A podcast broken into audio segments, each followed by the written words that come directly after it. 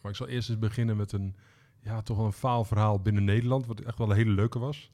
Ik was binnen, binnen Ik Wil Van de Auto Af, was ik verantwoordelijk voor een stuk marketing de eerste paar jaren dat we daarmee actief waren. En onder andere de radiocommercial, die je misschien wel kent. Ik wil van mijn auto af.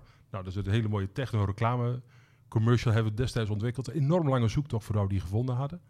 En ja, die draaide best goed op de radio. Toen dacht ik van, hé, hey, misschien dat we die ook in video moeten gaan inzetten.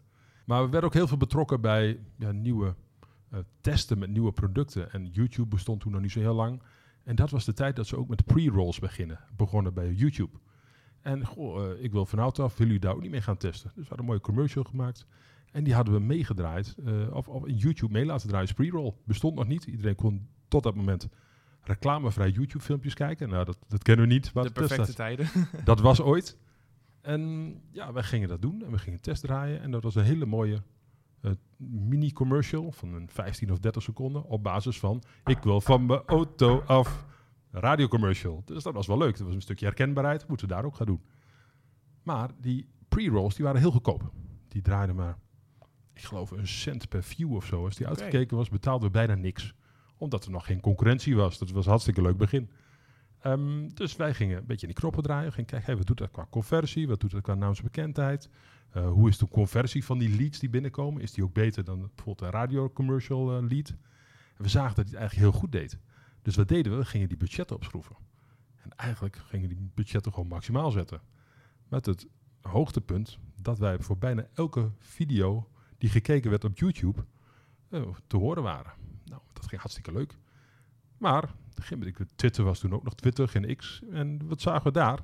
Ik zag in één keer mopperende mensen voorbij komen. En een van die meneren die zei van, goh, wat een rotbedrijf dat ik wil van autoaf.nl. Ik ben er helemaal klaar mee. Stel dat je prutsers, idioten, ze verpesten alles. Nou, ik voelde me wel een beetje, mm, dat deed wel even pijn. Dus ik via, via contact gezocht, DM met je. Uiteindelijk die man die reageerde ook, aan de telefoon gehad. En uh, ik zei, joh, waarom heb je zo'n aversie tegen ons bedrijf? Dat vind ik toch vervelend. We zijn voor ons gevoel een heel mooi bedrijf aan het bouwen. En dat doet wel pijn als iemand daar een negatieve mening over heeft. Of een negatieve ervaring. Nou, dat ga ik je vertellen, zegt hij.